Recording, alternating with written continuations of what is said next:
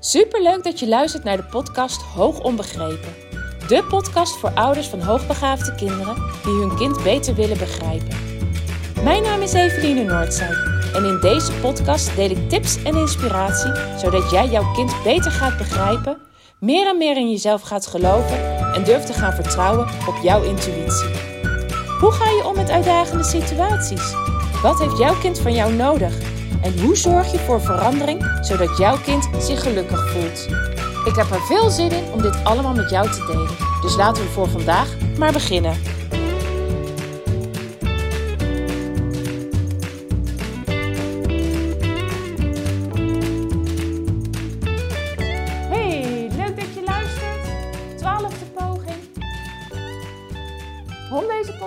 Nemen. Ik zit momenteel in Spanje en ik had een rustig plekje gevonden in het tuinhuis. En ik dacht, nou, dan kan ik eventjes deze podcast, de podcast die ik al een paar dagen in mijn hoofd heb zitten, die ik heel graag wilde opnemen, omdat ik deze, ja, deze inzichten van afgelopen week met je wil delen. En uh, nou, in plaats van dat het rustig is, loopt er steeds wel weer een kind voorbij die iets tegen mij moet zeggen, waardoor ik afgeleid raak. Maar ik geloof, we hebben er inmiddels twee op bed en de andere twee zijn beneden in de tuin aan het spelen, dat het me gaat lukken. We zitten dus sinds een paar uur hier in Spanje, op een half uur rijden van Valencia af. Uh, we hebben een villa gehuurd van een uh, Belgisch echtpaar. Ze wonen hier zelf ook, op een paar minuten afstand van, van het huis wat wij huren. Uh, daar hebben ze dus een eigen woning. Ze hebben twee woningen die ze verhuren, waarvan de een dus de komende tijd eh, onze woning is. En uh, ja, het is, een, het is een prachtige villa.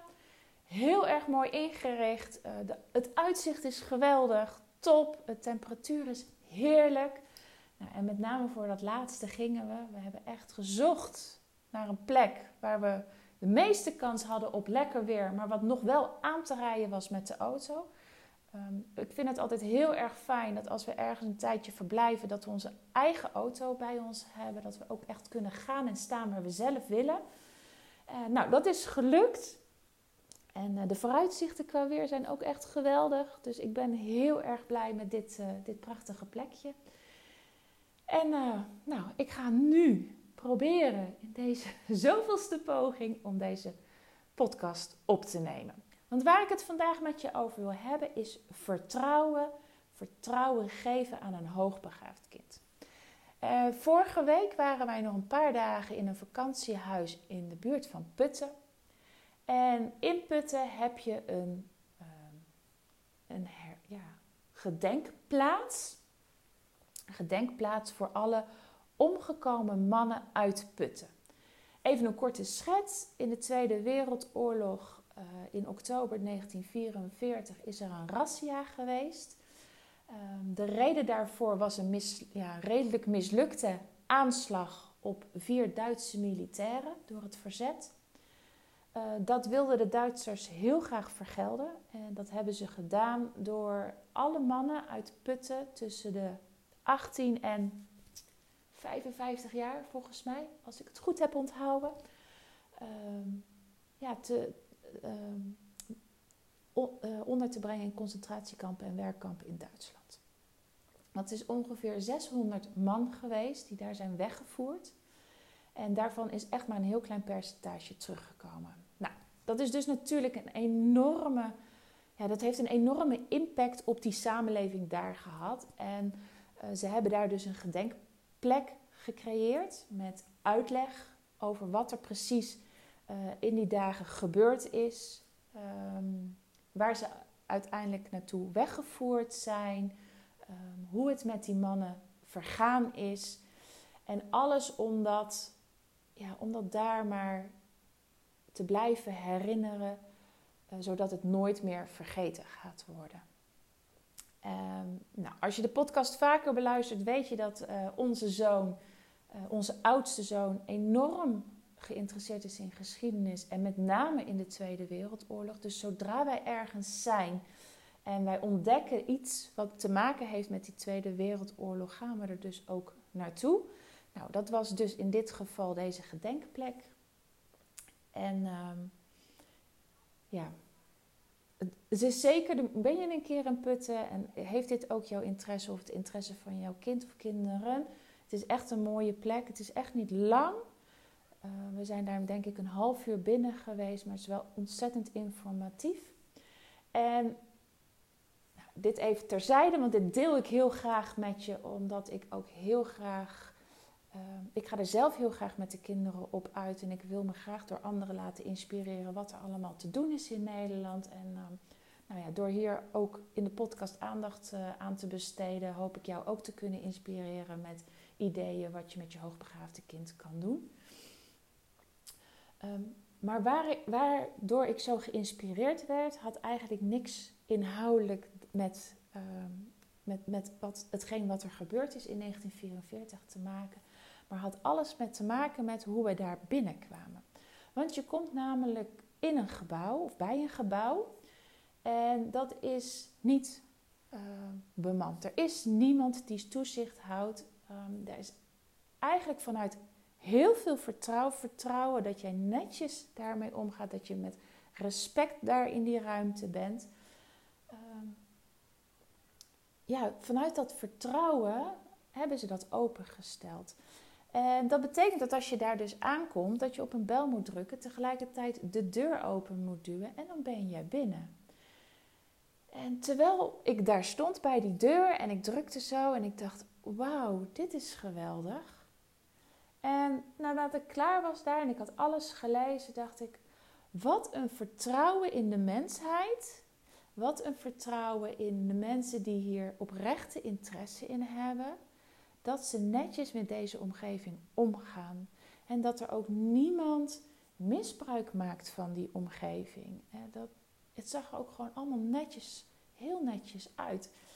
Um, nou, dat samen met de gesprekken die ik vorige week gevoerd heb, met een ja, behoorlijk wat gesprekken die ik gevoerd heb met ouders, uh, waarin het thema vertrouwen ook eigenlijk wel een grote rol speelde, dacht ik, hier, hier ga ik een podcast over opnemen. Hier ben ik door geïnspireerd. Aan de ene kant door dat, die gedenkplek, aan de andere kant door de ouders die ik gesproken heb. Want wat ik heel vaak terughoor van ouders, is dat zij voor hun hoogbegaafde kind eigenlijk heel goed weten wat ze nodig hebben binnen het onderwijs. En dan zal ik niet zeggen dat ze inhoudelijk precies weten van oké, voor rekenen hebben ze dit nodig, voor taal hebben ze zus nodig. Nee, daar gaat het niet om. Maar wel als het over de manier gaat van um, hoe, hoe met het kind om te gaan als het het saai vindt, als het uitleg krijgt die het al van, van kennis die het al uh, heeft. Uh, en elke keer als ik met ouders daarover spreek, komt het woord vertrouwen om hoek. Namelijk dat ze ervaren dat hun kind niet vertrouwd of niet voldoende vertrouwd wordt door de leerkracht. En misschien moet ik het even beter uitleggen, want ik geloof echt wel dat uh, leerkrachten uh, vertrouwen hebben in die zin dat ze de kinderen vertrouwen. Uh, hè, maar dat er niet door, of, of, onvoldoende vaak door leerkrachten vertrouwd worden, of, of dat ze durven te vertrouwen om stappen te nemen die in het belang van een kind zijn. Een van de dingen die hoogbegaafde kinderen in het onderwijs heel erg hard nodig hebben, is dat ze de ruimte krijgen om eerder te beginnen met hun lesstof op het moment dat ze, uh, ja, dat ze instructie krijgen. Instructie is vaak lang. Er wordt heel vaak instructie, binnen de instructie dingen herhaald. En dat is niet iets wat een hoogbegaafd kind nodig heeft. Wat ze op dat moment wel nodig hebben, is dat ze eerder, hè, na een verkorte instructie, kunnen beginnen met de lesstof. Of, en dat soms nog, nog wel meer, is dat ze gewoon direct mogen beginnen met de lesstof.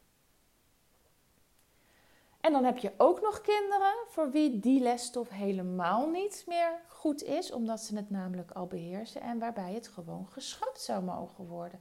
weg. Wat je al kan, en dat is mijn motto, wat je kan hoef je niet nog een keer te doen. En, en eigenlijk bij al deze dingen ervaren ouders, en ik kan dat beamen, omdat ik ook met, natuurlijk met heel vaak met leerkrachten spreek, um, hebben leerkrachten onvoldoende het vertrouwen in het kind dat ze die, die grote stappen kunnen gaan zetten. Het kind moet zich heel vaak eerst bewijzen, bewijzen, bewijzen, bewijzen. En dan pas op basis van het feit dat de leerkracht gezien heeft dat het kind het kan, of dat het kind het gaat doen, of dat het kind de stof beheerst, durven ze pas het los te gaan laten. Maar daarmee verliezen ze een heel groot deel van de hoogbegaafde kinderen. Want op het moment dat jouw kind zo uit gaat staan omdat het niet de grote stappen mag gaan nemen, gaat het het ook niet meer laten zien. Kan het dus ook niet aan de leerkracht gaan bewijzen dat het het kan. En ja, dan eh, zie ik heel vaak en hoor ik heel vaak, is dat de leerkracht eh, zegt van ja, maar weet je, het kind laat het niet zien, dus ik ga die grote stappen niet nemen.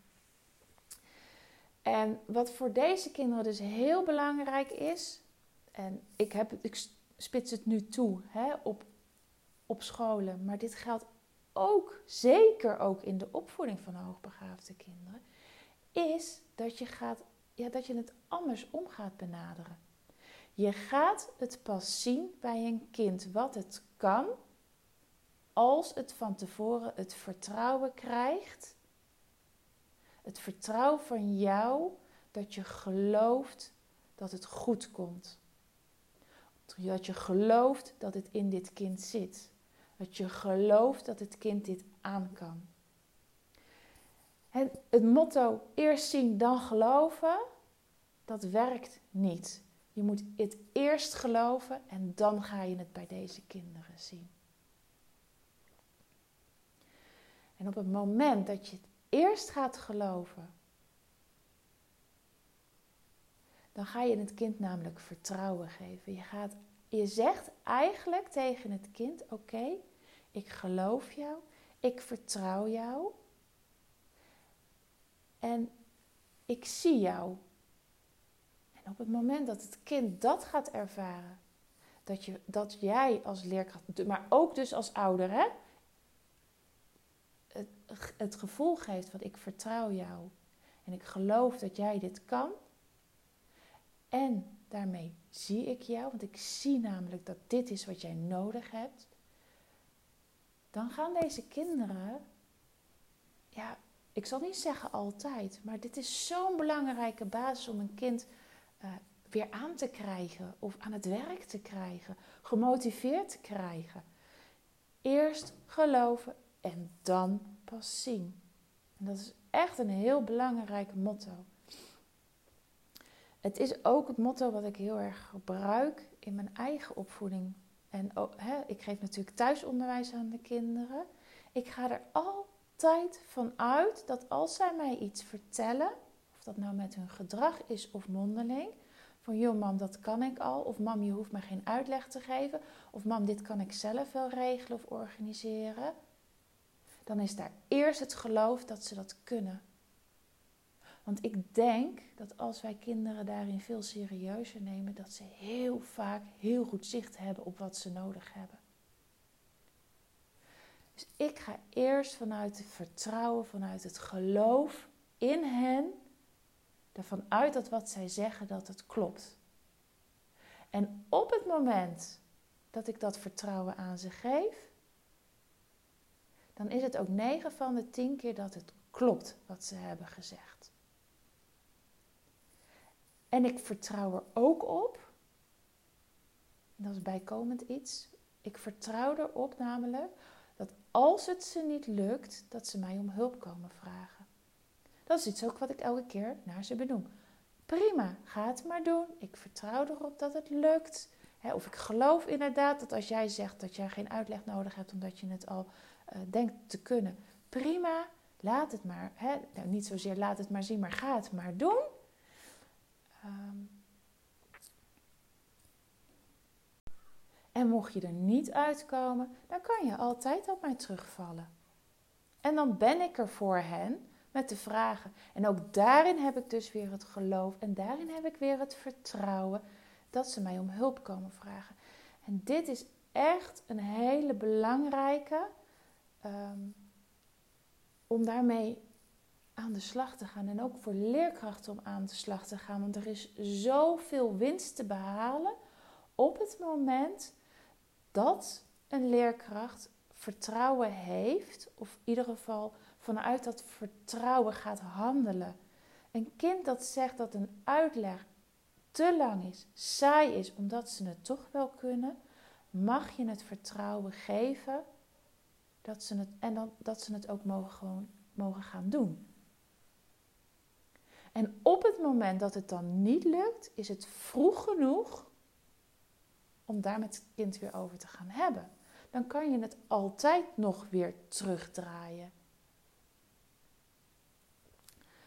Maar de slogan eerst zien, dan geloven maakt enorm veel kapot in de motivatie en in, de, in het enthousiasme voor leren wat, wat hoogbegaafde kinderen hebben.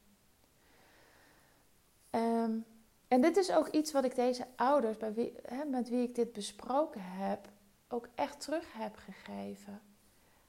Ga nog een keer met die leerkracht in gesprek en ga dit met de leerkracht erbij bespreken. Ga in overleg hierover. En ik snap het aan de ene kant heel goed dat leerkrachten zoiets hebben van ja, maar ho, wacht eventjes. Want ze hebben natuurlijk ook een verantwoordelijkheid. Die voelen ze heel erg sterk om jouw kind zo ver mogelijk te brengen in het, in het onderwijs. Het zoveel mogelijk te leren. Alleen dat, dat moet niet vanuit het te veel willen beheersen zijn. Het mag veel meer vanuit het vertrouwen zijn en vanuit ehm, ja, ook de samenwerking. En de angst dan loslaten. En dat geldt natuurlijk net zo goed in de opvoeding. Laat de angst op een gegeven moment ook los. Ehm, dat het niet goed zal gaan. Tuurlijk zullen er momenten zijn dat, dat het niet zo goed zal gaan. Maar dan kan je daar enorm veel van leren. Jij kan er zelf veel van leren, maar ook je kind kan daar ontzettend veel van leren. Ehm, dus, dus echt in die opvoeding, maar ook voor leerkrachten. Uh, en ga het gesprek met de leerkracht van jouw kind aan. Hè? Ehm, ga vanuit dat vertrouwen zitten. Eerst geloven en dan ga je het vanzelf zien.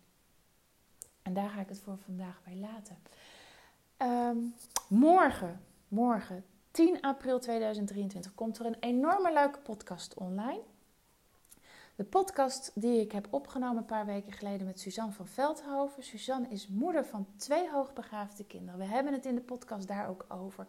We hebben het over van hoe, hoe kwam je er eigenlijk achter dat jouw kinderen hoogbegaafd waren? Um, wat hebben jullie allemaal gedaan? Waar zijn, ben je tegen aangelopen? Wat zijn de keuzes geweest um, ja, die goed zijn geweest voor je kinderen? Um, nou, we hebben het echt over allerlei zaken. Uh, heel erg leuk, maar vooral vond ik het ontzettend leuk dat zij uh, bij mij in de podcast wilde komen, omdat zij haar eigen droom is achterna gegaan. En een van de redenen, om, want die droom had ze al heel lang, om die nu te laten uitkomen, zijn haar eigen kinderen geweest omdat zij altijd tegen haar kinderen zegt: luister, alles wat je wil kan je bereiken. En op een gegeven moment uh, was ze op het punt beland dat ze dacht: ja, ik kan dat allemaal wel elke keer tegen mijn eigen kinderen zeggen. Maar het betekent ook dat ik het zelf moet voorleven. Um, daarover vertelt ze ook wel heel veel meer. Want Suzanne heeft namelijk een eigen boek geschreven. En een van die boeken die ze heeft geschreven, mag ik uh, aan een luisteraar van mijn podcast weg gaan geven. Morgen in de podcast vertel ik er meer over. Mocht je geïnteresseerd zijn om, uh, om dat boek. Uh, ja, mocht, mocht je geïnteresseerd zijn in dat boek, wat ik je aan, je mag weggeven, luister dan zeker morgen de podcast.